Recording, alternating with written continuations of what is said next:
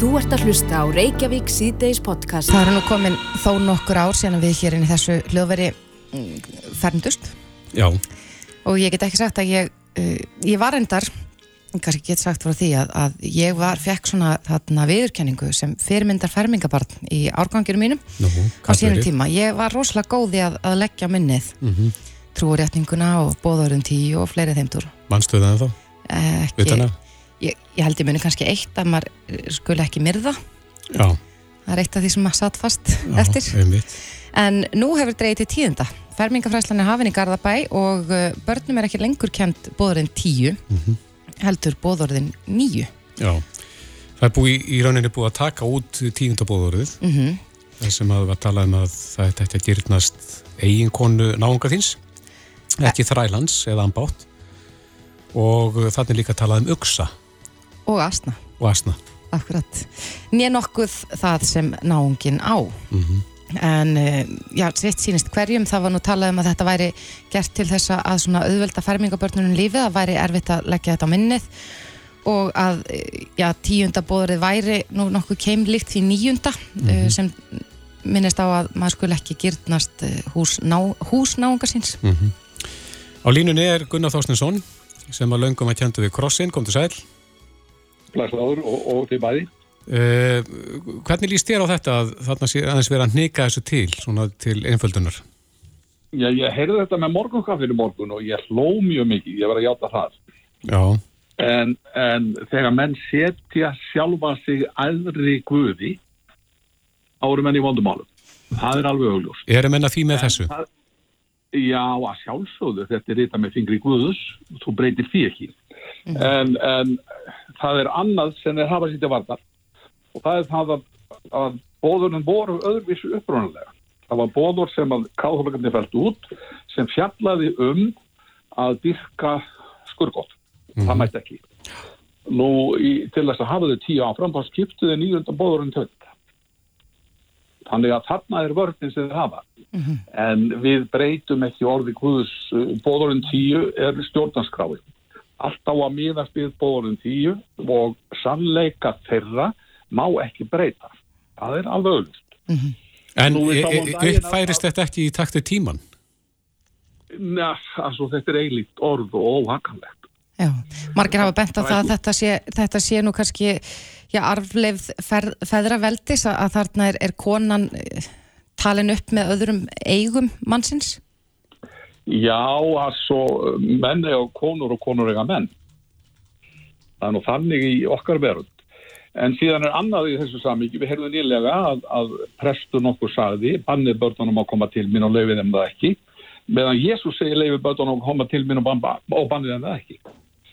Þannig að þegar menn eru faldið að föndra við sannleika lífandaguðus, hvar endar það? Þetta er óhakanlegur, eiligur sannleikur sem við höfum ekki rétt á að, að föndra, við heldum beigja okkur fyrir.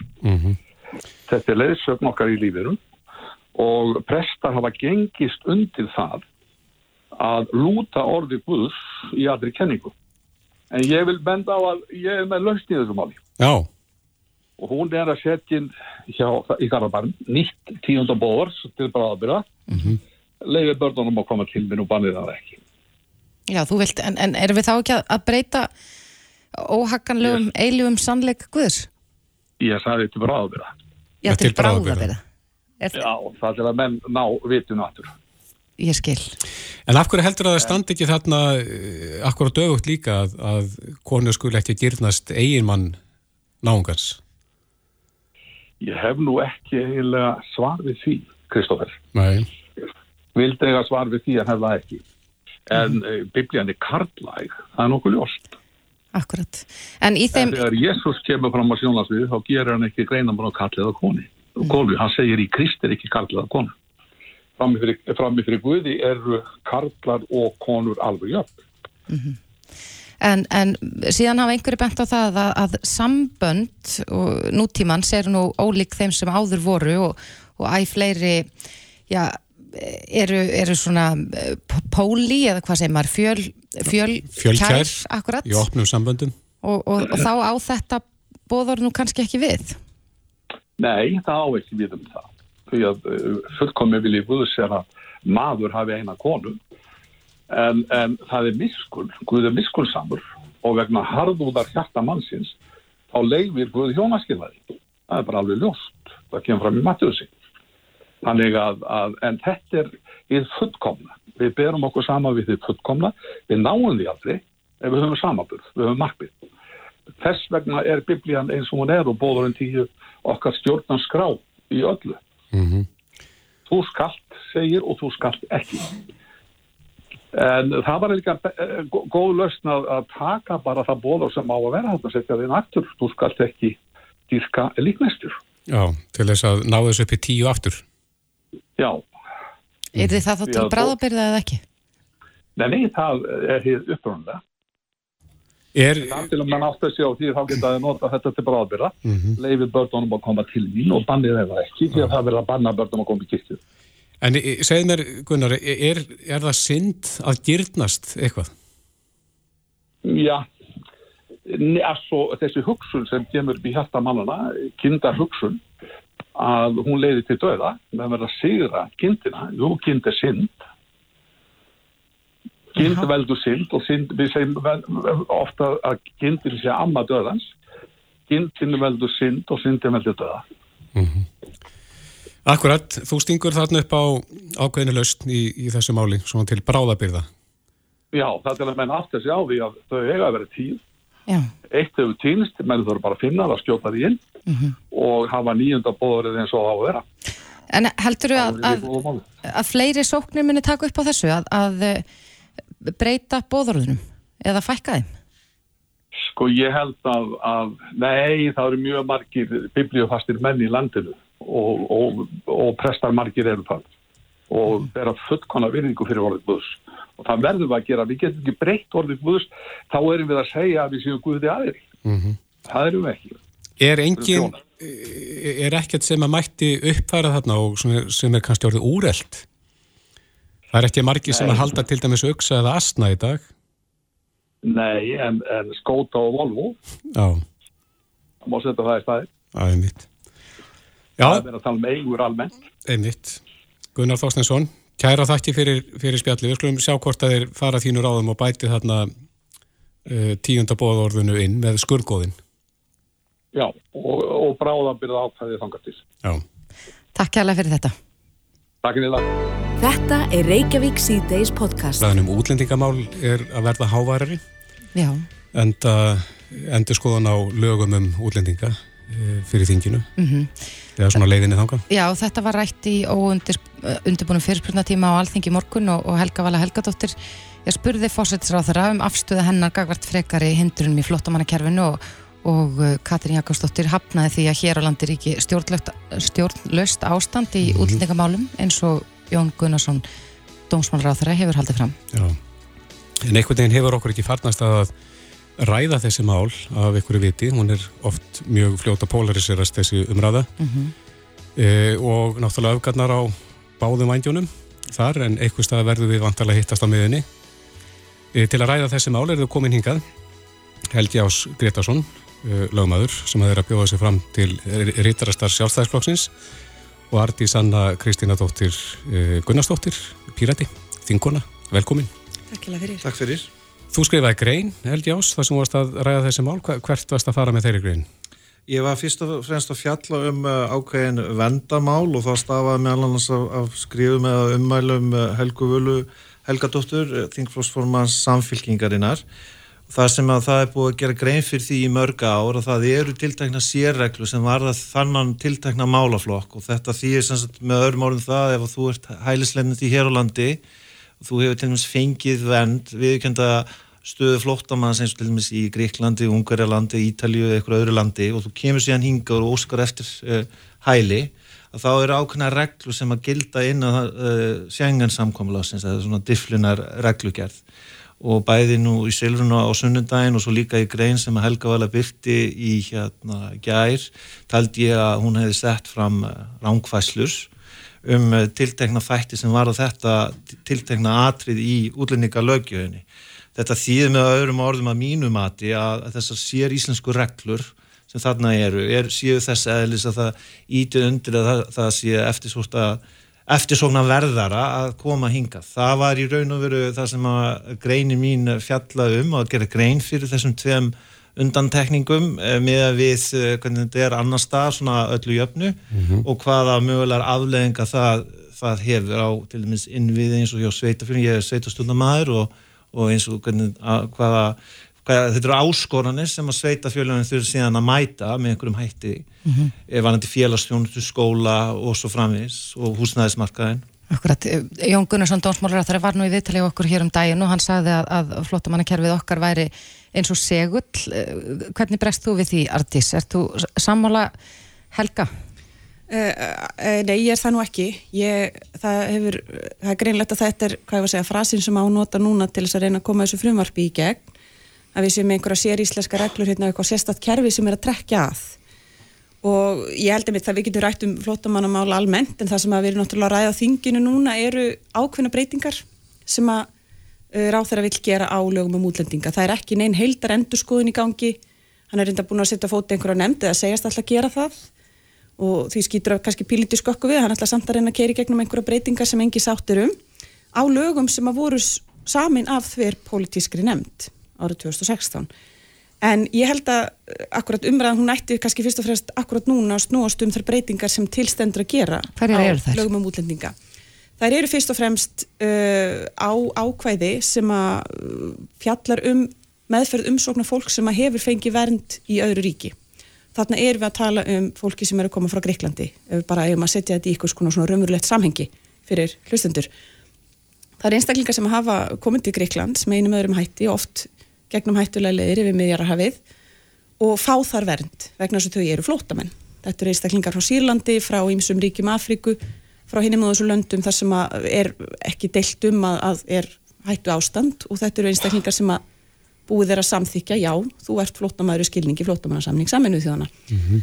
Hins vegar þá eru aðstæður þannig í Greiklandi að það er í rauninni engin framtíð það, eru, það er þannig að þau hafa ekki, ekki að gengja húsnaði, ekki að vinnumarkaði, ekki heilbreyðstjónustu, þau fá matkaski einu svona dag í einhverju kirkju og það sem er vest við þessar aðstæður er að uh, það sér ekki fyrir endan á þeim. Er Hvernig ekki... eru þessi mál afgreitt í löndunum í kringum okkur sem við miðum okkur við ef, ef sami hópurinn sætjur um til dæmis í Danmörku eða Nóri eða það er það sem er svo áhugavert við bæði það sem Helgi Ás er að segja og er þessi lína ráð þeirra mm -hmm. það er það að þau eru afgreðið með svipum hættu við erum að gera, það er daldi misjönd að milliríkja en það, mér fannst til dæmis áhugavert að sjá það, nú fóru við til Noregs um daginn í heimsókn alls er á mendamála nefnd og það var áhugavert að sjá, jápil þó að uh, laga ákvæðið sé öðruvísi og það er rétt hjá Helga, ef við förum í það en það er ekki flóta með eitthvað að lesa lögum útlendinga hérna í alþengistindin hjá okkur sko, heldur er það kerfið eins og það virkar, hvernig það virkar, það spyrst út og það virkar eins í þessum ríkjum. Noregur er ekki að senda fólk skilirislaust til Greikland. Fekstu þau suður þarna úti þegar þið heimsóttuð? Ja. Og það, ég ætla ekki að segja að við komum óvart en það var samt sem að vera áhugavert að vita það vegna þess að lögin þeirra eru eins og ráþara vil hafa okkar lög. Þannig að þó að lögin séu orðalagi sé aðeins ólíkt í lögunum þá er kerfið eins. Mm -hmm. og það vekur líka aðtikli að Gríkland, nei fyrir gefið Þískaland er núna bara búið að gefa það út og það, það er, við höfum þær upplýsingar og þau eru að taka til meðferða í Þískalandi, þau eru ekki að senda til Gríklands 90% fólks sem kemur frá Gríklandi uh, samt eru lögin þeirra mhm. eins og ráð þeirra vil gera lögin okkar, þannig að kerfin eru eins. Þó að orðalagi lögunum sé einhvern veginn öðru þess vegna skilir, það sem að kemur einmitt óvart er sko hvers vegna þessi ég ætla bara að segja áfergja er núna hjá ráþur og hjá sjálfstæðisfloknum að koma þessu frumvarp í gegn mm -hmm. vegna þess að það mun einhver breyta Er þetta rámt sem að þið haldið fram, Helgi? Uh, Nú er hún búin að kynna sér sko það, það, það er mjög mikilvægt að hafa í huga að auðvitað viljum við hafa hér mannúlega innflytjandastefn mm -hmm. en við þurfum líka að hafa skipulag eitt af því er lagaskipulag það sem að hún artis er að vísa til er lítu meira af ákveðnum svona mannriðindavikli þessa regluverks. Regluverki sem að við erum að tala hérna um lítu meira bara að stjórnsýslulegum innviðum varðandi difflinarreglugerðin og svo framvegs. Ekki með difflinarreglugerðin sko, ég, ég, ég, ég kom ekki hérna og skipti mér af því að þú varst að tala. Ég hlýta með að fá að mm, tala hér hérna, uh, á þess að ég sé trublaður. Þannig að kjarni málsins er að reglurnar innan uh, Schengen eiga að mínu mati að vera eins. Það er ástæðu laust að regluverki hér sé öðruvísi með þessum hætti eins og, eins og reynslan hefur sínt undan farin ár. Það er ástæðu laust.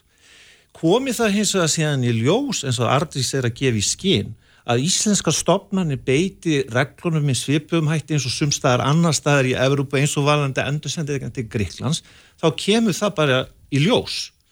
Kjarni vandans eins og þegar maður er að starfa á sveitustundanstígi er að ef að það sé ekki tekið á þessum máli með samrændum og skipulögum hætti þá er hættan svo að það er allt og mikið álag og innviðina varðandi í ymsa grunnþætti og eins og fyrir mig sem sveitastundamann þá hefur maður áhyggjur af því að fjármakt fylgi ekki þessum verkefnum og að það reynir verulega mannuðin sem að sveitafjöluðin er að hafa í sínu starfi við að sinna þessum verkefnum.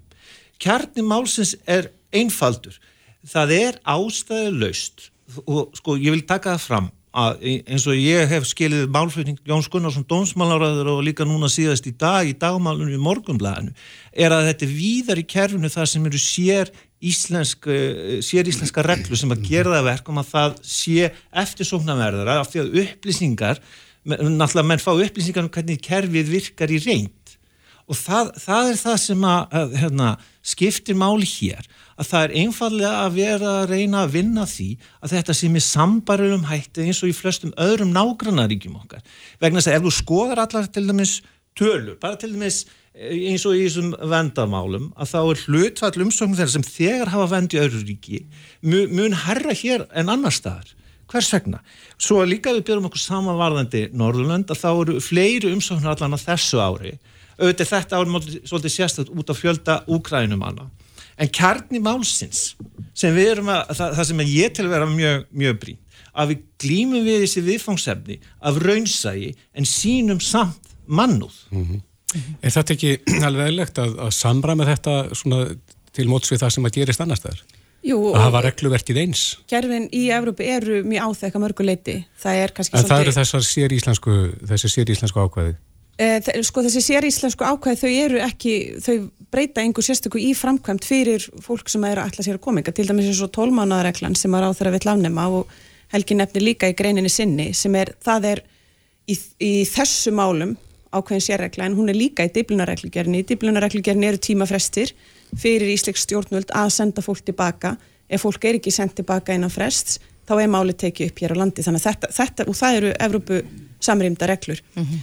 Eh, það að þú getur fengið efnismæðferð eftir að ef að kerfið tekur tólmánuði að vinna umsóknina, það trekkir engan að vegna þess að það tekur almennt ekki tólmánuði. Hins vegar þá kom núna upp náttúrulega mikið að slíku málum vegna þess að það tafðist málsmæðferði út af COVID og þar er að mínu mati að stjórnvöldur að beita þessu mjög rámt með því að neyta fólki um þennan tólmána tímafrest að því það hafa tafið sjálf meðferðina og það er þannig ef umsækjandi tefur sjálfur málsmeðferðina þá gildir þetta ekki. Þannig að hvernig á þetta trekja að? Mm -hmm. það sem að, fyrir ekki, það sem að þessi regla, hún kemur nýjinn árið 2016 vegna þess, eins og Helga Vala hefur bent á, vegna þess að við vorum með fólk hérna sem að hjekki kerfinu árum saman án þess að það væri einu svona búið að taka ákvörunum það hvaða ríki ætti að taka við þeim, það var ekki einu svona byrjað að opna málu og spurja hvers vegna það flúði heimaríki. Þetta er ekki skilvirkni. Það að afnema einan tólmána að frest þetta það mun bara fylla kerfið hérna af fólki sem er búið að vera einn í langan tíma og er ekki hægt að flytja úr landi. Mm -hmm. Þannig að þetta, þetta hefur ekkert með skilvirkna að gera og þetta mun ekki leysa neitt þann vanda sem við stöndum fram með fyrir. Akkurat, en eins og Helgi myndist hérna á hann, eh, hann talaði um að hann er sveitisvöldamaður og, og, og við höfum verið að sjá það í fréttum að við erum búin að opna já, þessi neyðarskíli fyrir fólk sem að uh, hinga kemur. Hvernig er hægt að leysa þessi mál? Vi, vi, innviðirnir virðast ekki nægilega vel ná utanum þannan hóp þetta er akkurat, þetta eru náttúrulega vandamálu sem við raunverulega stundum fram með fyrir. Það er áskorinu sem við eigum að vera einbit okkur að, það er það sem gerist þegar fólk er komið vend, það er það sem við erum að stundum fram með fyrir með sveitafélagin og annað, þetta eru einstaklingar sem eru komni með vend hérna, það er breytingar sem ráþara vil gera á lögum um útlendingu núna mun ekki hafa neyn áhrif á neitt þessara mála og, og, og fjölda fólk sem kemur ynga, mér langar um þetta benda á með tölurnar sko að það var fyrir nokkrum árum fór fjöldi einstaklinga, þessast hlutfall þeirra sem hafa fengið vend annars það er upp í 50%. Hann hefur matla svona í milli 10-15% þess á milli og er núna komið nýrið 3%. Þannig ég átta mikið á því hvernig það að snúa þeim við á þröskuldunum á að fara að leysa þann vanda sem fólk stendur frammefyrir sem við erum búin að veita vernd. og það er náttúrulega, það er verkefni sem við eigum að vera einbytt okkur að og þar held ég að við helgisum sammála og þar þurfa sveitafélagin meiri stuðning og þar þurfum við að skapa heilstæðara kerfi, einfalda það og bara strömnulega það er að mínum að þar sem að áskoraninn eru í dag. Það er þessar breytingar sem á að gera útlendingalögum núna, það er snert ekki á þessu á ne með neinum hætti. Nei, Ég, ég. get ekki fallist að þennan málflutning. Aðal, aðalatri við verðum aftur ykkur því að ef að þú kemur hérna sem fjölskylda hælisleitum og sækir hér um hæli þá hefur þú líka rétt á að fá alls konar þjónustu frá henni ofinbera Þa, þannig eru reglunum meðal að börnin, eh, það er skólaskylda til dæmis og svo framvegis. Þannig að, að það, það er líka þá álaga innvið sem var það heilblíðiskerfið og, og félagslega þjónustu og svo framvegis. E, sko, svo var þetta þess að tölur um, um hlutvæll, það er náttúrulega hlutvællin breytast í ár út af því það er svo margir sem eru að koma frá Úkrænu, en þetta var hérna 16% 2018 24% 2019, yfir 50% 2020 og 21% fyrra. Punturinn er ástæðan fyrir því að það í þessum verndamálum, að það sé svona margir sækjum hæli hér, þó þú séu með vernd annar staðar, eru meðal annars þessar sérreglur og hvernig þær e, fungera í. Það það Þannig að, þa- þannig að punkturinn, punkturinn er sá að það er engin ástæði til lengri tíma litið að hafa þessar sérreglur og það fylsta ástæði til þess að leggja áslá vegna þess að þetta hefur verið lagt, frumvarpin þetta efni hefur verið lagt fram ítrekkað undanfærin ár án þess að ná fram að ganga og ég, ein ástæðan fyrir ég skrifaði greinina er svo að málflutningur Helgu Völu bæða í Silfrunu síðastlegin sunnunda og svo í greininni í gær var þess efnis að þetta væri ekki sérreglur. Eh, varðandi eins og með tólmánaðafrestin þá liggur fyrir álit umbósmanns alþingis þar sem hann var fjallað mjög ítælega um þennan tólmánaðafrest og umbósmaður hvað alveg skýrt á um það að þetta var í sér íslensk regla. Þannig, punkturinn í heildræna samhíkinu ef þeir eru bara að reyna að miða við það að við séum með kerfi, lagakerfi sem eru sambærileg að, að mestu leiti eins og hjá nágrannríkjunum og svo þarf að mínu mati að mynda heildræna stefnu til þess að við séum að ná ákveðnum markmiðum í þessum málaflokki. Þannig að það sé ekki þannig að innviðinni springi og að við séum markvis í okkar aðgerðum vegna þess að ég held að, að það sé samhljómar allan millir okkar og ardísar að þegar þú ert komið með vend að þá e e eigum við að gera eins vel við að hjálpa fólki að aðlagast íslensku samfélagi. Það er miklu ódýrar og hagfeldara en, en einhverja að, aðrar nálganir að mínu mati. En punkturinn er samt þá þessi að, að það þarf að taka til að mínu mati í hælis leindata kerfinu svo við séum að ná, ná til teknum markmiðum og að, að, að við, sé, við verðum að huga að, að því hvað, hvaða getur við höfum að hafa svona sér íslensk viðmið og reglur og, og framkvæmt vegna að, að, að endingum mun það, það þarf að vera tryggt að það sé fjö til þess að sinna þessum máluflokki og það, að það sé hæft starfsfólk til þess að koma öllum þessum verkum í, í framkvæmt til, til þess að, að, hérna, við sem að mæta okkar skuldbendingum gagvar þeim sem að sækja hér um hæli Mér langar aðeins að fá að bara andmæla þessu málflutningi sem hefur líka komið frá ráþeira að þess að sérreglu sé eitthvað að trekja fólk að. Uh, í fyrsta lagi þegar að fjöldi, þegar að hlutfall fólks með vend annar staðar jógst hérna þá jógst hann allstaðar í Evrópu. Og það er vegna ástandsins í Greiklandi og síðan í Ungverjalandi líka og, nokkur mörgur ríkjum á Ítali og annar staðar. Og það er ekkert sem bendir til þess að sér, vegna einhverja sérregluna. Það er líklegra að ástæðan fyrir því að hlutfalli varð hærra hér heldur en annar staðar sem það er ekki lengur sé svo, einfallega svo að þetta fólk er með skilríki. Af því þau að fengi vend í Gríklandi þá geta þau farið upp í flugvél. Þau eru með gilt dvalarleifi í Evrópu og þau geta ferðast um Evrópu. Það er nefnilega- miklu auðveldar að komast með óreglulegum hætti á milli ríkja gegnum einhvern vörubíl eða annað heldur en að komast upp í flugvél og þú þarft að komast upp í þess að koma til Íslands. Það er bara svoleiðis. Þannig að það er miklu líklegri skýring og ég legg áherslu á það að allar þessar skýringar sem ráð þeirra er að koma með og, og Helgi tekur undir eru ágískanir. Við höfum engar eh, konkrétt sannani fyrir því hvers vegna einhver, þjóð, einhver, einhver þjóðirni er meira hér en annar staðar. Í Nóri er til dæmis miklu meira fólki frá Eritri og Sómalíu heldur en hér, af hverju, við vitum það í raunin ekki, við getum bara giskað. En þetta finnst mér langt um líklegri skýring fólk sem er með vend eitthvað staðar í Európu það er með skilríki. Og, við, og það sýnist í tölfræðinni núna við erum að fá hatt hlutfall fólks frá Venezuela, frá Ukrænu vegna þess að þetta er fólk sem kemst til Íslands. Og það er langt um líklegri skýring á þessum hlutföllum. Uh, það að við séum einhverja sérreglur hérna í einhverju lögum, þetta afsakið er bara lögfræðilegur orðhengilsháttur kerfin eru eins. Það er ekkert sem bendir til þess að það sé einhverjar, eitthvað sérstakt við kerfið okkar sem að trekkir fólk sérstaklega að Mhm. Það hefur verið talað um ástandi í Greiklandi í áraraðir og uh, það var nú tímabil hér þar sem við sendum fólk alls ekki aftur til Greiklands. Ert þú á þeirri skoðan Helgi að við, að við ættum að gera það, að, senda fólk aftur til Greiklands ef það hefur fengið vernd þar? Ég, ég held að það sé mér svona dýnamist mat á hverjum tíma og, og náttúrulega kærunend útlendingamála og sko eftir að tökum dómstólar taka þá afstöð til þess á hverjum tíma með þær upplýsingar sem uh, liggja fyrir sumi segja ástandi sé viðunandi aðrir ekki ég held að almennt sé þetta sé ekki skilur eitthvað, eitthvað ástand til þess að öfunda grikki af eða þá sem að þar eru. Það, þetta er erfiður málaflokkur. Það, það er engin spurning. En það breytir því ekki sem er aðal atriðið að í þessu kerfi öllu eigum við ekki að skera okkur úr að mínu mati. Heldur, heldur heldur að hafa hérna, reglur sem að formi til eru svipaðar og þó svo að einhver beitinga út af sko, sem sagt, eins og til dæmis hún er að vísa hér til, hún artist til þýskrar framkvæmdar eða á Norðurlöndum eitthvað slíkt, þá ert þú að það komin inn í, í mannréttinda reglur. Hér eru við bara að tala um, um sem að stendur í lögum sem að alþingi getur breytt að þau viðmið uh, hérna, gilda samt sem áður.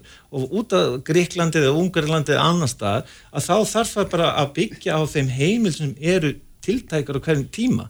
Ástandið í, í hérna, þessu ríki sem fyrst tók á móti hælisleindandi geta hérna, tekið breytingum.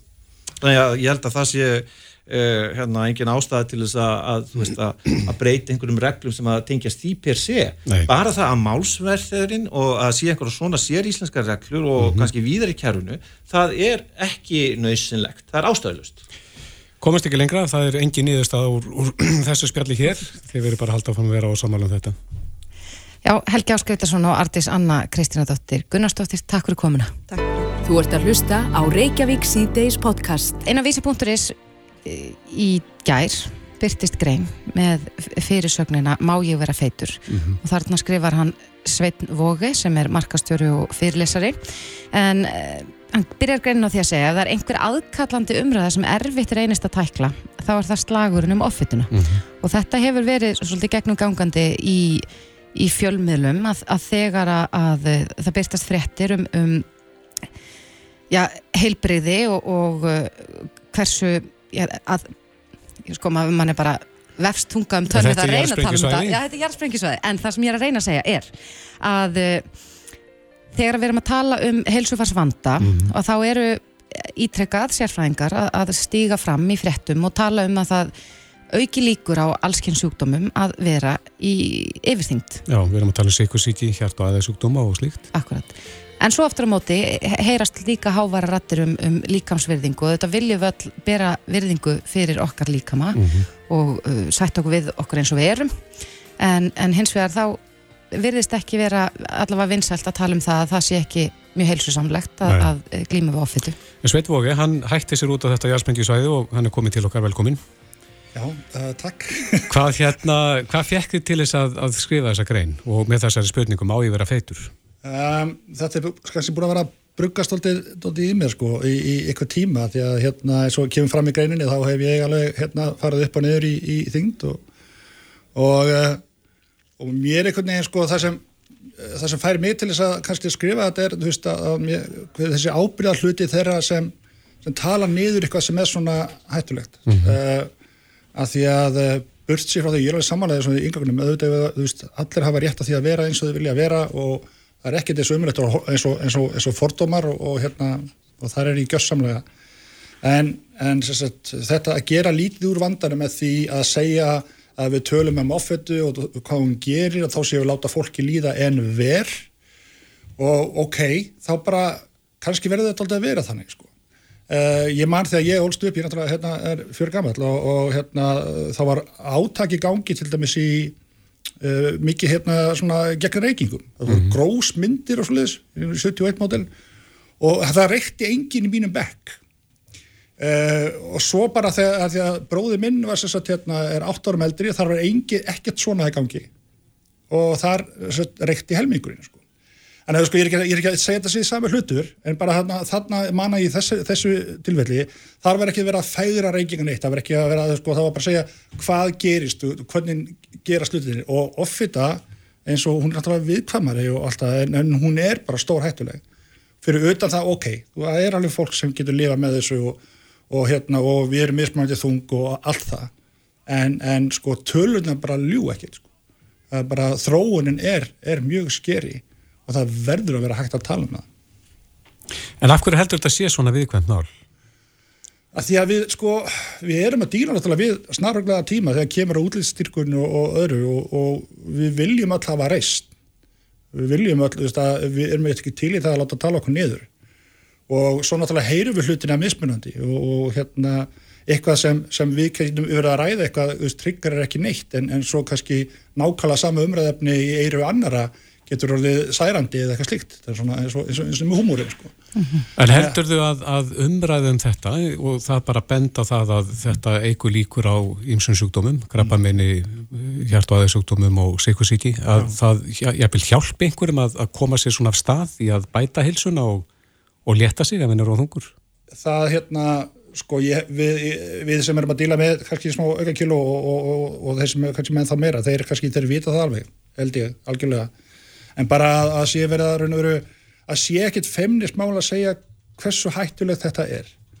Og, veist, og sama tíma, þetta er vandarsamt, sko. En ég finnst bara hérna á sérstaklega tímabili þegar var, var eitthvað verið að ræða um hvernig fólki líður betur þegar búið að missa, við svo mikið svona fréttum fólk tók af sér eitthvað þyngd og þá gæti það gert hluti og leikið með bötunum stundum og bam, bram, bram, bram og svo sérstaklega ef það kom einhverju helbriðiskerðunum sem komum með einhverja svona futturningar þá er oft stokkið til, þetta er oft, svona, oft sama fólki sem hérna, NN og, hérna, og tala um fáfræði jafnvel, verna þess að það fólk er búið að finna eitthvað skonar sem ef ekki þessi til, það eru rannsóknir um það að, að, hérna, að feit fólk sé helsurhöstar en, en, en ykkur er aðri segja svo framins og framins þannig að það er svona verið að vísa ykkur aðrar, aðrar heimildir. Mm -hmm. og það verður að vera að klóra tilbaka þetta er ekki svona hræðilegt þetta er ekki svona hræðilegt. Þetta er bara hræðilegt og ég veit að sko offita sem slík náttúrulega við erum að sjá fólk náttúrulega eins og þið taliði með tölfræðina að, að, hérna, með sjúdóma og annað slíkt. Og ég held að allir sem eru að hlusta getur tengt við það bara sko hvað það gerir fyrir okkur að vera burðast með of mikið sko. Hvernig heilsan okkur fer upp og niður og andlega hliðin. Og það hefur ekkert með það að gera hvort ég passa betur í hann jakka sem ég núna eða ekki. Heldur bara hvað er ég að burðast með upp á, upp á liði og bak og annars líkt og þannig er ekki kannski að byrja að tala um ofittu kannski en bara, bara og, og yfirþyngd. Og það má alveg, finnst mér að ræða þessa hluti án þess að mér, sko, og þess að það kannski verður að koma frá einhverjum sem er búin að vera bumbulíðis og fara upp og niður. Kannski, og það kannski skrítið eða eitthvað í, í supergóða formi mm -hmm. eins og Kristó en eins og, en eins og þú myndist á einn aðan þá lifuðu þetta á mjög sérstökum tímum þar sem að útlitt styrkun er það mikil að, að, að sko maður er allar maður með mönnum nema sem er sexpack og, og helst með að lærin, lærin á konunum ekki snertast þegar að standa kjöra sko. þannig að, að erum svolítið mikið í öfgunum. Já og hérna og reyndar var ég mjög fegin þegar kom þetta deadbot hérna hérna, hérna tískan pappaskrokkurinn fyrir þá sem væru eitthvað aðeins að reyfa sig mættu vera með göduna sér. Og ég held að það sé nú bara að fara upp á nýr, ég held að við ég er allavega að vona það að við séum meira, meira tolerable eða svona hvernig maður metta fólk í mismunandi uh, útliti og formi og öðru við þurfum að halda vel á spöðunum að því að við sjáum bara hvernig umræðin hefur verið hjá ungu fólki um samkynni eða hvernig alltaf bara alltaf verið það komið ykkur upp eða eitthvað sem við vorum besti í Íslandi Þannig að, veist, og, og við viljum, hérna, við viljum, sé, við viljum halda rest og við viljum, hérna, ekki tala niður neitt, en, en mér finnst, uh, og, og það, þú veist, staðrindunar er, bara eru þannig, þú veist, að þetta er mjög alvarlegt mál og það verður að díla við það þannig. Mm -hmm. Uh, þú veist, við, við, við, við létum, létum staðrindir og vísindi leið, leið okkur út úr COVID. Við létum ekki einhverja aðra skoðanir eða önnur sjónar með stýra því. Mm. Það verður að gera það sama með ofendur. En svo þú setti þessa greinu að hún byrtist í gærin á vísi.is uh, hefur það fengið viðbrúð? Já, ég, sko ég, ég, ég miklu mér að vanur að tala um eitthvað skemmtilegt og, og hérna, bjóri eða húmor eitthvað svolítið og, og hérna og, og allt er góða með það en, en ég hef aldrei fengið svona mikið viðbröð eins og við þessu Og á hvaða lund er, er, er þessi Það að viðbröð? þakka mig fyrir að, að ræða þetta og, og bæði fólk í yfirþyngd og, og ekki og hérna taka, taka þessu umröðu. Voru ekki að fengið gaggrinni? Ég, nei, ekki, ekki beint til mín, ég, ég sá reyndar hérna, það var eitt komment á, á DFF þar sem, sem var búið að varpa þessu áfram að, að þá er svona, þetta, sama að, að þetta sé ekki svona einfalt sem er alveg rétt og, og grannir verða líka veikir og svo framins sem er alveg, jú, rétt sko en, en þá er alltaf, veist, kemur alltaf þessu vörnum á móti, þannig að ég veit ekki ég vonandi er hægt að aðskilja þetta. Við getum bara rætt ástandið, sjúdóminn og, og en að, sko, að, að það að tala um offitu og hvað hún er hættuleg að hún eigi ekki að, að láta fólki að, veist, að þýða það að sá sem er að díla við það sé eitthvað verri en einhver annar.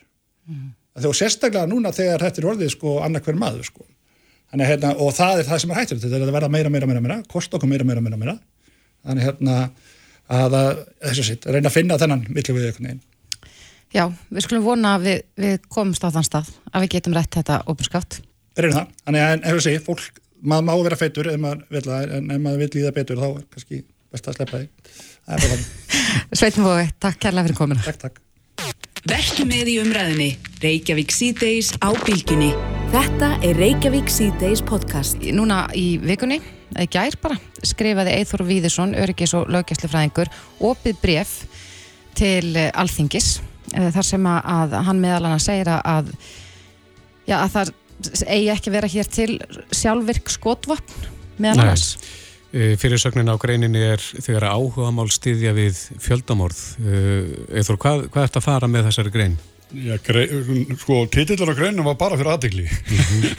Það tókst. Já, það tókst og hérna, auðvitað náttúrulega er þetta svolítið brútala að tala svona en ég bara var einhvern veginn orðin alveg svakalega þreyttur á uh, bara þessari vopna umræðallri og hérna þekkjandi marga lauruglumenn og, og líka bara veist, er íslendingur og bý hérna og, og vil bara hafa örugland og þetta er orðið svolítið mikið og kannski er umræðan líka svolítið mikil af því að, menna eins og segir, þetta er svona þetta er mjög áhugavert og fólki kemur þetta við.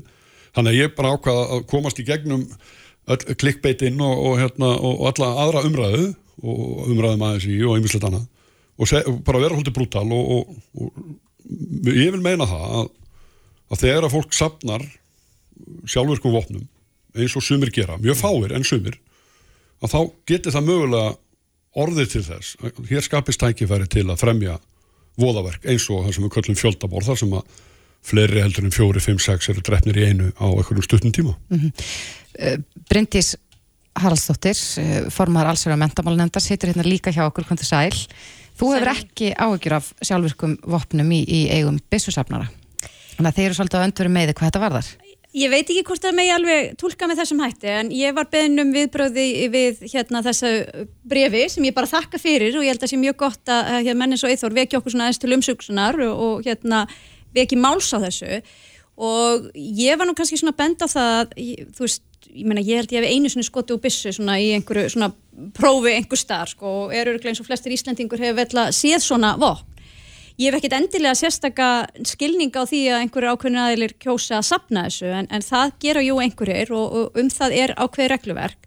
Þannig að minn punktu kannski snýr nú meira að því að ég vil auðvitað alls ekki sjá svona vopn í umferð hér á Íslandi en áhyggjurnar snúa kannski frekar að skipulöri glæpastarsemi, þeim sem eru mögulega að smikla svona vopnum inn og mögulega að framleiða í bílskúrnum og annað heldur en kannski þeim sem eru þó undir því regluverki sem fylgir því að vera vopna safnari og fá leifi fyrir slíku.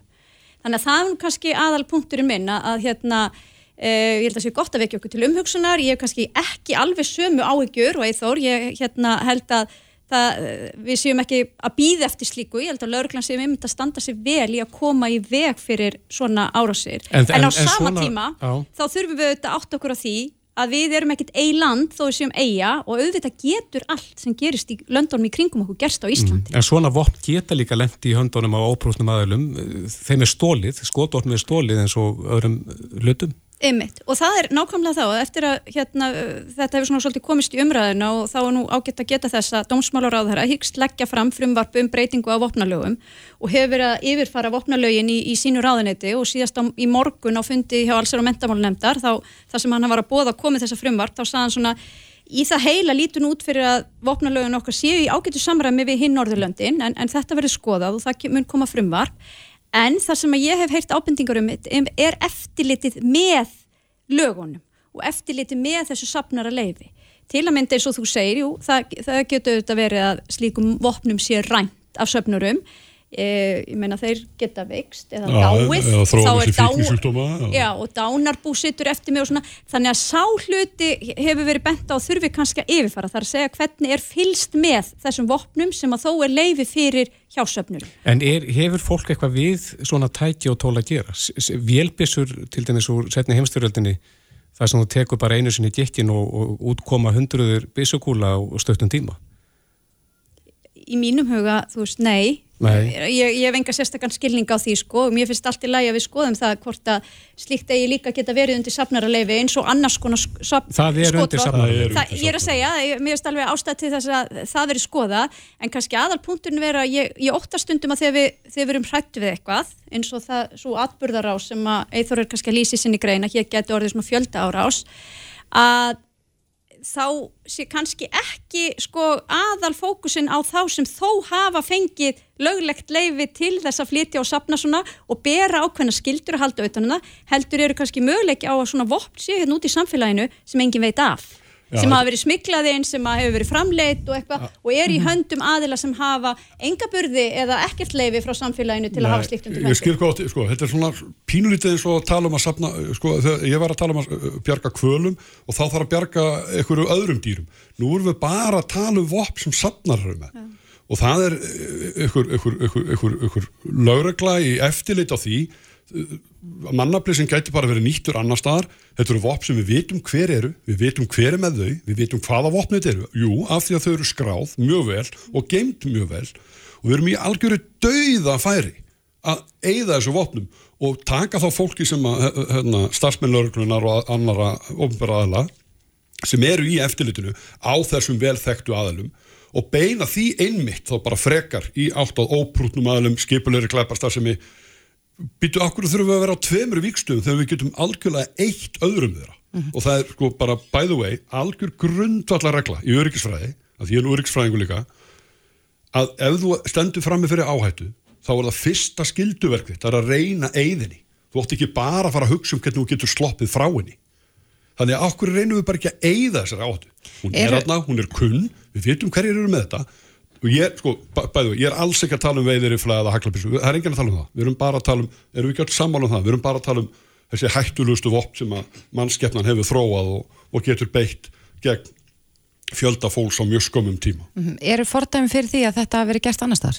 Já, þetta gerist í Ástralju 96 og þetta, það var mjög mikið það var mjög slæmur átbyrður sem gerist þar í Port Arthur. Hvað- hvað gerðist? 25, særði 23 Með sjálfvirku vopni. með sjálfurkum vopnum, af því að þau voru leið af því að þetta er Ástraljurum eins og við mikil veiðið þjóð og, og þeir leifðu byssur, alls konar byssur rifla, maglabissur og alls konar byssur og sjálfurku vopn og þarna er maður með geðra vandamál sem lappar inn á stað og bara skýtur 50 manns.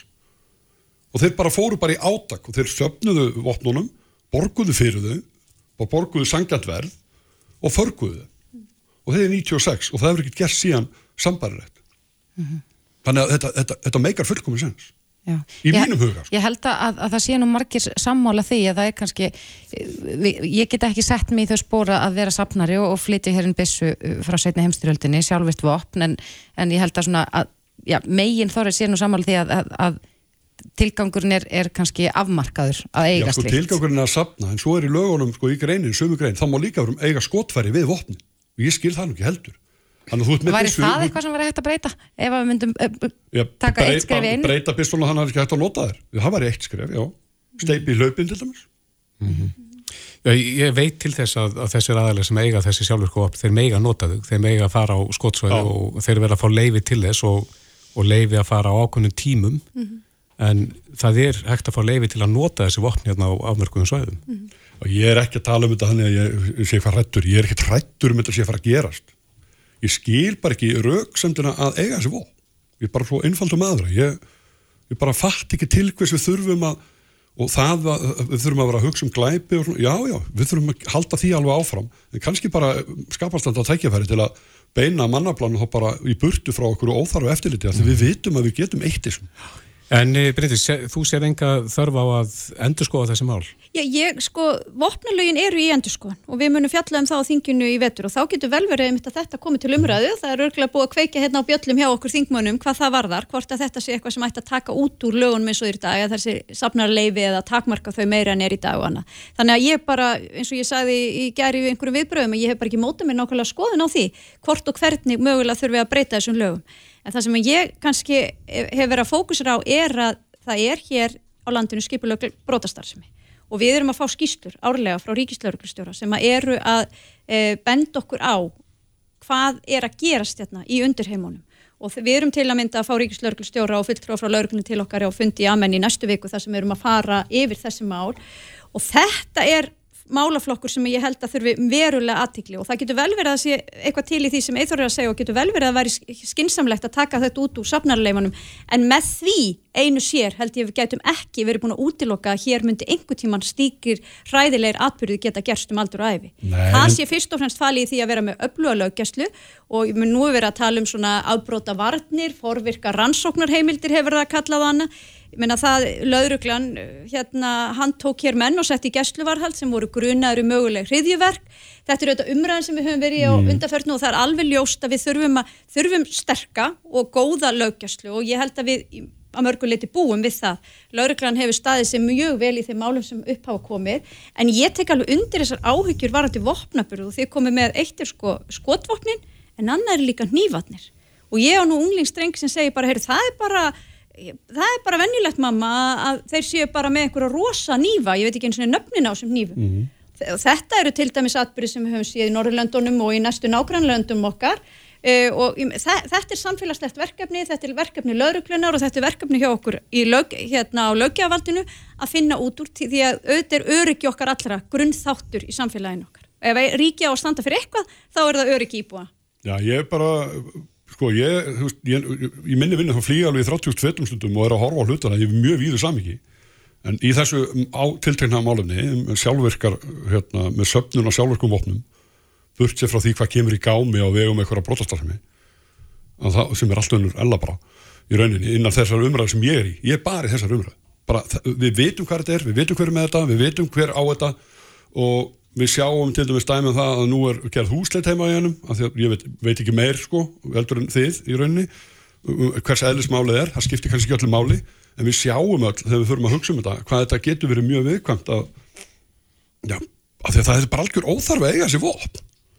Sem þjóð, ég skil það ekki samkvæmt mínum heimildum og það hafa líka sko, eins og ef við lítum til bandarækjana sem eru þetta allt annar veruleiki en við, við sjáum hér en, en þá hafa flest fjöldamorð sem að hafa verið framinn þar verið gerð af, ó- með löglegum vopnum og af, af fólki sem hefur skotvopna leifi þannig að það er svona sem, það sem þú ert að Já, benda á já, að, já, að það er það er að ekki bara á. þrývítarprentaðar byssur eða eitthvað sem er ólöglega innflutt Nei, ég meina, það er, það er, það er þú veist, umræða um hérna, skotófna ekki bandaríkja manna og hvernig þeir nota þessi skotófn, það er náttúrulega bara, það er bara alveg fyrir að háti heilan dag, sko, eða skiljið, það er bara mjög mikil umræða.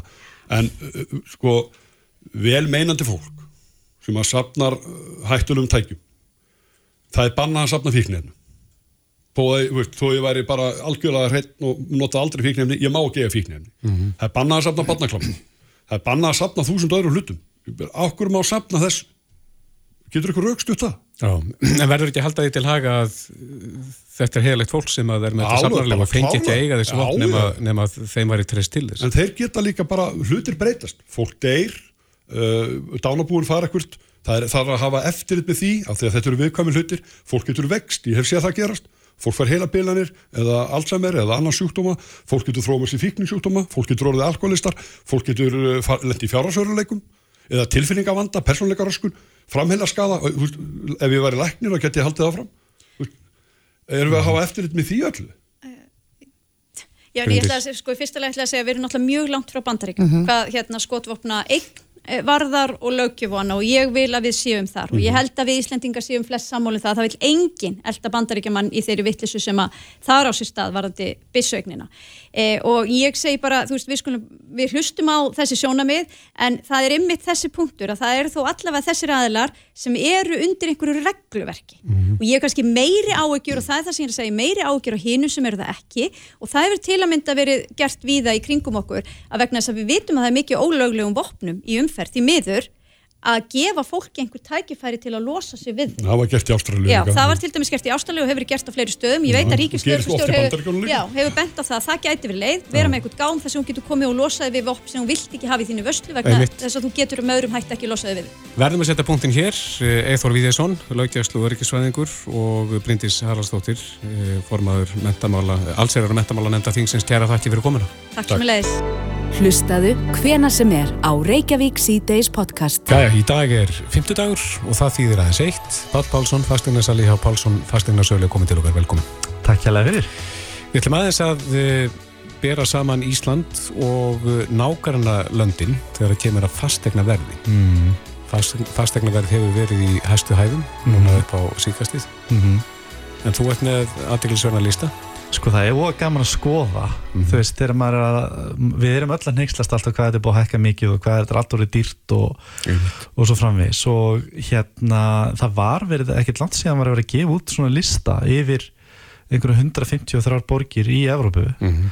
þar sem maður getur hreinlega bara búið þessi saman. Þú veist, hversu raunverulega hátt fastegnaverðir í Íslandi miða við aðrar borgir í kringum okkur vissulega geta aðstæði verið öðruvísi eftirspurninu öðruvísi, starri markaður en á móti kemur ára launin okkar á Íslandi eru tölvört herri heldur í mörgum þessu stöðum sko. þannig að það er mjög áhugavert að sjá sko til dæmis bara það að það sem kemur fólki óvart að Reykjavík kemst ekki á topp 10 yfir dýrustu borgir í Európu En hvar eru við á listan?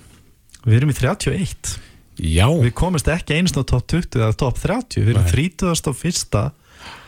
hvernig það maður þetta 31. dýrasta borgin í Európu Já. og þar er verið að tala um einhvern sko í þessum miðaltali en Mhm. þannig reyndar er verið að tala um sagt miðsvæði eftir í ákveðnum borgum og auðvitað eru miðsvæði náttúrulega dýrustu reytirnir í hverju borg. Þannig að þegar þú ber saman eh, þennan lista þá ert að miða við eh, miðsvæðis hér á Íslandi. Já. Já.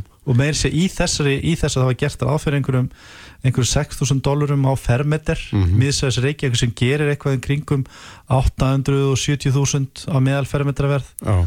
og sem getur alveg passað þannig að hérna en til dæmis er við berum saman til dæmis bara borginnar í kringum okkur Mhm. tökum til dæmis bara Kaupanahöfn sem dæmi Já. Uh, þar er sko miljón og 50 meðal fermetraverð Á móti hverju hér? Uh, 875.000 Já, já. fermetrin Mhm. Helsingi 1200 skallar svona til gamans ef við sitjum það samingi að 100 fermeter íbúð væri þá 120 miljonir Mhm. í staðan fyrir kannski 85-90 miljonir hérna Oslo það er 1270 Mhm. þúsund á fermetrin þannig að þeir eru komið töluvert yfir Reykjavík í fermetraverði Eru við sem sagt með ódýrar og húsnæði heldur en eh, öll hinn Norðurlöndin? Já, miða við þessar ef við tökum saman sko Oslo, Kaupanöfn, Helsingi og Stockholm Mhm. en ég tók saman líka lista bara yfir dýrustu borginnar í Já. Evrópu Ef að fara yfir þann lista og hvar viltu byrja? Ég ætla að byrja í sjöndasæti Mhm. þar er einmitt Stokkólmur sem er náttúrulega dýrasta raun og veru miðbærin í Stokkólmur þess að dýrasti á Skandinavíu allavega Mhm. en þar eru að tala um, um 1470 fermetrin þannig að þið sérðu ef við tökum þetta aftur með við 100 fermetri íbúð ef við leikum okkur bara einhverju meðaltali Mhm. þá er sko 100 fermetri íbúð hátt upp í 150 miljónir þar sjötta sæti Mhm. París en borgin í sko sjötta og fymta sæti er ennur þau deila með sér sætinu París er með kringum 1700 fermetrin Mhm. rétt upp undir 1700 fermetrin að meðan borgin í fymta sæti er München í Þýskalandi hún er með rétt rúmlega 1700 fermetrin Mhm. þannig að það er mjög lík verðin í München og í París þannig að hérna fjóraðasæti Mhm. Luxemburg Já. Já kom mér óvart líka. fjármálaborgin sjálf. fjármálaborgin sjálf. Fjármálaborgin sjálf. Og það og veru þessar, sko, þessar fjóru dýrustu borgir að það er svolítið svona fjármálamiðstöðar sem er svolítið tengdar þessum stöðum. En meðal fermetraverð þar miðsvæðis er 800.000 á fermetrin Já. þannig að þarna erum við að tala um sko tæplega miljón krónu dýrari heldur en hérna í Reykjavík. Mhm. þannig að þriðasæti, myndur þú þóra að giska Þriðasæti í London. Hárrétt hjá þér. Margir, ég hefði hugsað reyndlega að London væri dýrust en það komur óvart og hún var ekki dýrust, hún er þriðja dýrust það er að segja, þar er fermetrinn sko 2.890.000 Já, svona miðsvæðis í London. Já, Mhm. þannig að enn og aftur, ef við leikum okkur með 100 fermetri íbúð þá er það 200 miljónir Mhm. þannig að þarna erum við komið töluvert langt yfir Reykjavík. Annarsætið kannski kemur óvart borg sem er ekki oft í umræðu Mhm.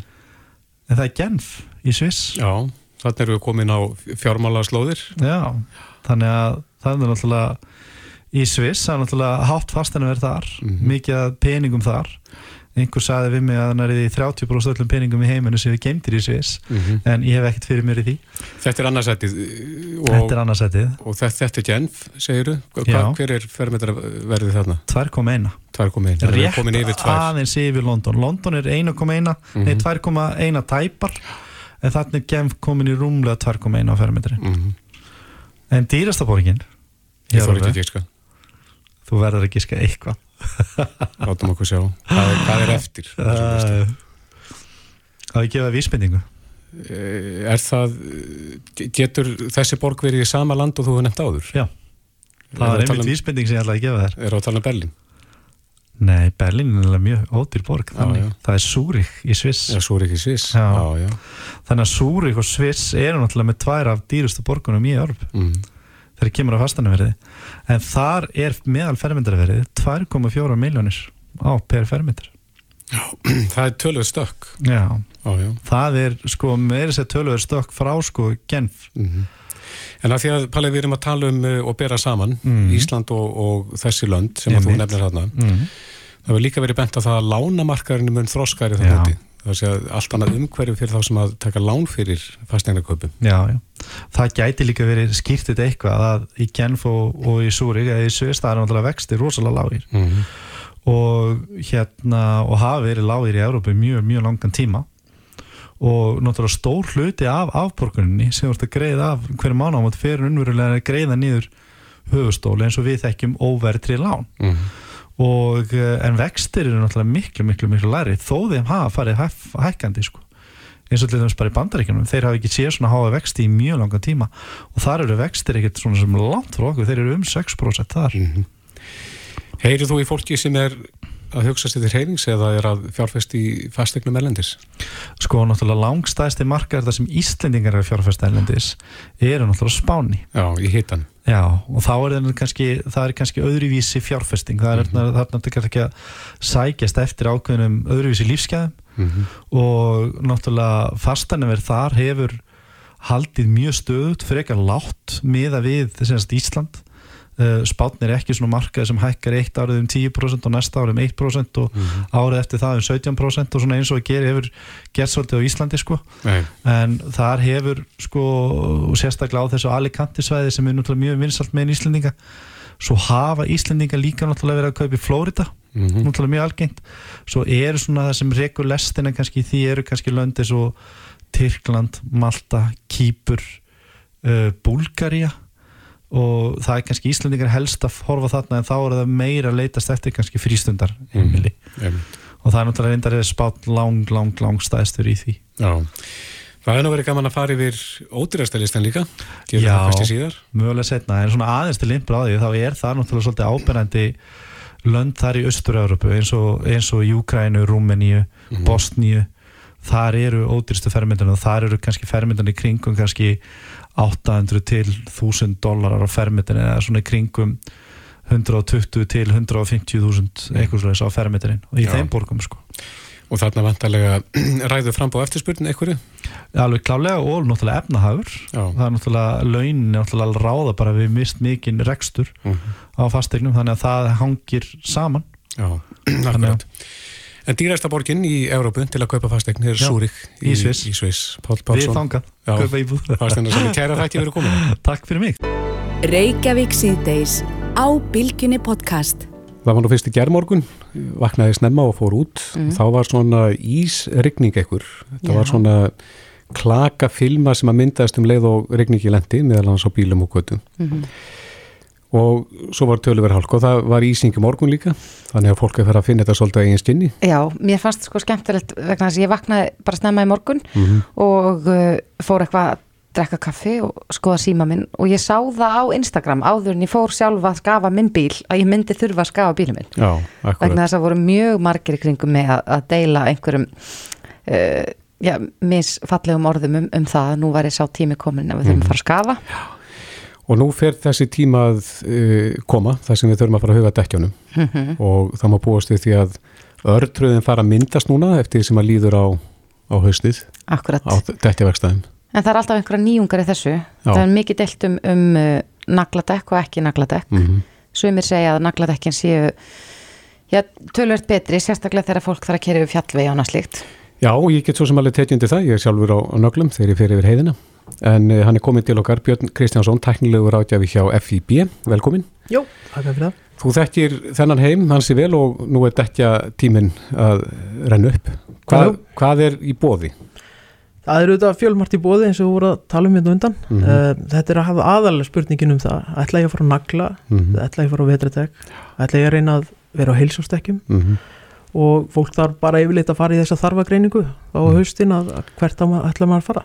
Af þessu sem er í bóði helsástekk, harðkorna og, og naglar og slíkt, Mhm. í hverju minnsta öryggið? Sko, að, á ísilöðum vegi Mhm. að þá eru þetta minnsta öryggi í því sem er ekki með nöglum og, og þú, verður akkurat bara að fara í þessa þarfagreiningu sko, við hvaða aðstæður er ég að fara að keira ef þú ert að fara að keira akkurat mikið hérna, út á landi Mhm. að þá er það svona líku við að þú verður á nagladekkjum því að það er ísing á vegum oft á tíðum Mhm. en ef þú ert mikið í akstri innabæðar og jafnvel engungu í akstri innabæðar þá ertu jafnvel bara jafnvel settur með óneld dekk Eru helsástekk bara grófmunstruð sumadekk? Já, í rauninni, við hérna á Íslandi höfum við oft verið að selja heilsástekk sem að, eh, eða vetradekk uh, undir sko nafninu heilsástekk Mhm. uh, heilsástekk til dæmis í mið-Evrópu eru allt öðru sér minnstruð sem að ég myndi aldrei keira á yfir vetrun hérna heima á Íslandi. Uh, þannig að, uh, að það er já heilsástekkin hérna sem að við þekkjum er yfirleitt bara vetradekk og við erum stundur svolítið að kljást við það núna að, að, hérna, að það er tölvört mikra gúmi í þeim dekkjum. Mhm. og uh, síðan yfir sumatíman þegar að veghiti jafnvel fer yfir 20 gráður og þá verður gúmið ofmjúkt og þau byrja að tætast óþægilega hratt upp. Því að he- vetradekk eru ekki gerð fyrir meira en kannski 5 til 8 gráður veghita. En, en hvað með, sko, ef við hugum bara að hérna höfuborgarsvæðinu og fólk sem keirir í og úr vinnu á höfuborgarsvæðinu og bara svona að erindast eins og maður gerir uh, myndir þú segja að það var ekki nöðsynlegt að, að vera á nöglum? Og eru þá já, þessi harð kornadekk Mhm. málið? Ég var næstu búin að segja harð kjarna en hugsa að það er eitthvað allt annað. Já, svona, svona almennt séð getur bjargaðir ágætlega vel á vetratekkjum en það er samt í efribyggðum er oftar en ekki hálka og sérstaklega þú ert að fara snemma út á, á mótnana eða, eða koma seint heim á kvöldin. Og bara við þá sko félagsmann sem við erum búin að tala við það er ringt í okkur og, og þá fer bara allt eftir hvar ertu búsettur og hvernig notar bílinn hvort að þú sért fullkomlega sátt eða sáttu við það að vera á vetradekkjum eða hvort þú bara raunverulega þurfi nagladekk annars kemstu bara ekki inn götuna heima höður þannig að allt eh, endar þetta í því að fara bara í þarfagreiningu hjá sjálfum sér. Mhm. og, og, þessi, og það hefur verið þessu umræðu um það að nagladekk séu algjörlega óþörf og, og það er bara ekki alveg það er bara ekki alveg svo einfalt. Og, og manni finnst eins og fólk sé sko að það sé þur- þurfa að fara að afsaka sig af hverju þau ferða á nagladekk. En við viljum auðvitað ekki að, að þetta sé farið að verða eitthvað hérna, einhver vondur hlutur að vilja tryggja mestu, mista öryggi á vegum ef þú ert mikið að keira til þess út á landi já, en geta nagladekk verið til trafala? Það er að geta þau haft öfu áhrif ein, við einhverjar kringustæðar? Já, í einhvern kringustæðum til dæmis við hemlun á blöytum vegi og, og annars staðar eins og hérna, sérstaklega bara á blöytum vegi þar sem við erum ekki með hálku Mhm. uh, að þá gæti verið að þau séu aðeins að, að hérna, standa sér verð heldur en óneldekk og, uh, og, það er, og það er svona, já, þessir, þessir plussar og mínusar, þau eru þetta miklu meiri háað í þeim, þau eru grófari og, og það er akkurat þetta líka með rafbíla eigendur það er orðið mun svona naglandi fara að láta heyra meira í sér undir rafmagsbíl Af hverju? Það er bara að þú, þú ert búin að útilöka öll önnur hljóð, mótorinn er farin úr Mhm. og þú, þú heyri miklu heyri minna- miklu meira, þú heyri bara já. miklu meira í naglindækjum og Mhm. það hefur svona almennt verið það er svona tilfinningin að menn vilji svona skauta fram hjá því að fara á nagla en, en auðvitað þá bara ferða á naglindæk og þú þarft að því að halda. Lögreglan tilkynnt í dag að þeir eru hættir að sekta. Nú er bara þessi tími komin og farin að myndast hálka. Mm Já, menn fagna því vantarlega Já, þeir já, sem við, eru komnir á naglana við vorum bara strax fann að fá símtölu í morgun að fólk var, uh, var tvístígandi varðandi að fara á nagladekk eða Mhm. upp á því, hérna, því að það eru, eru hérna, sektar ákveðu þetta við því Mhm. að vera nöglum en svo já, kom tilkynningin bara núna síðar í dag Já. Hvað er fólk helst svona að, að, að sko, félagsmenn sem hafa samband við ykkur þið hafi fengið ykkur símtölu í dag eins og segir og spyrjum um sektur og annað slíkt en, Mhm. en hvað er það helst sem fólk er að velta fyrir sér varðandi dekkin? Það er aðalega sko hvað skuli velja, dekja tegundir. Þetta er heilt frumskóður af úrvali af dekkjum. Eftir hverja fólk að fara í því? Þá er fólkum þetta sem að maður þarf við þetta bara að byrja að spyrja hvar, hver, við, hvar ekuru hvernig mm Mhm. bifrið ertu á?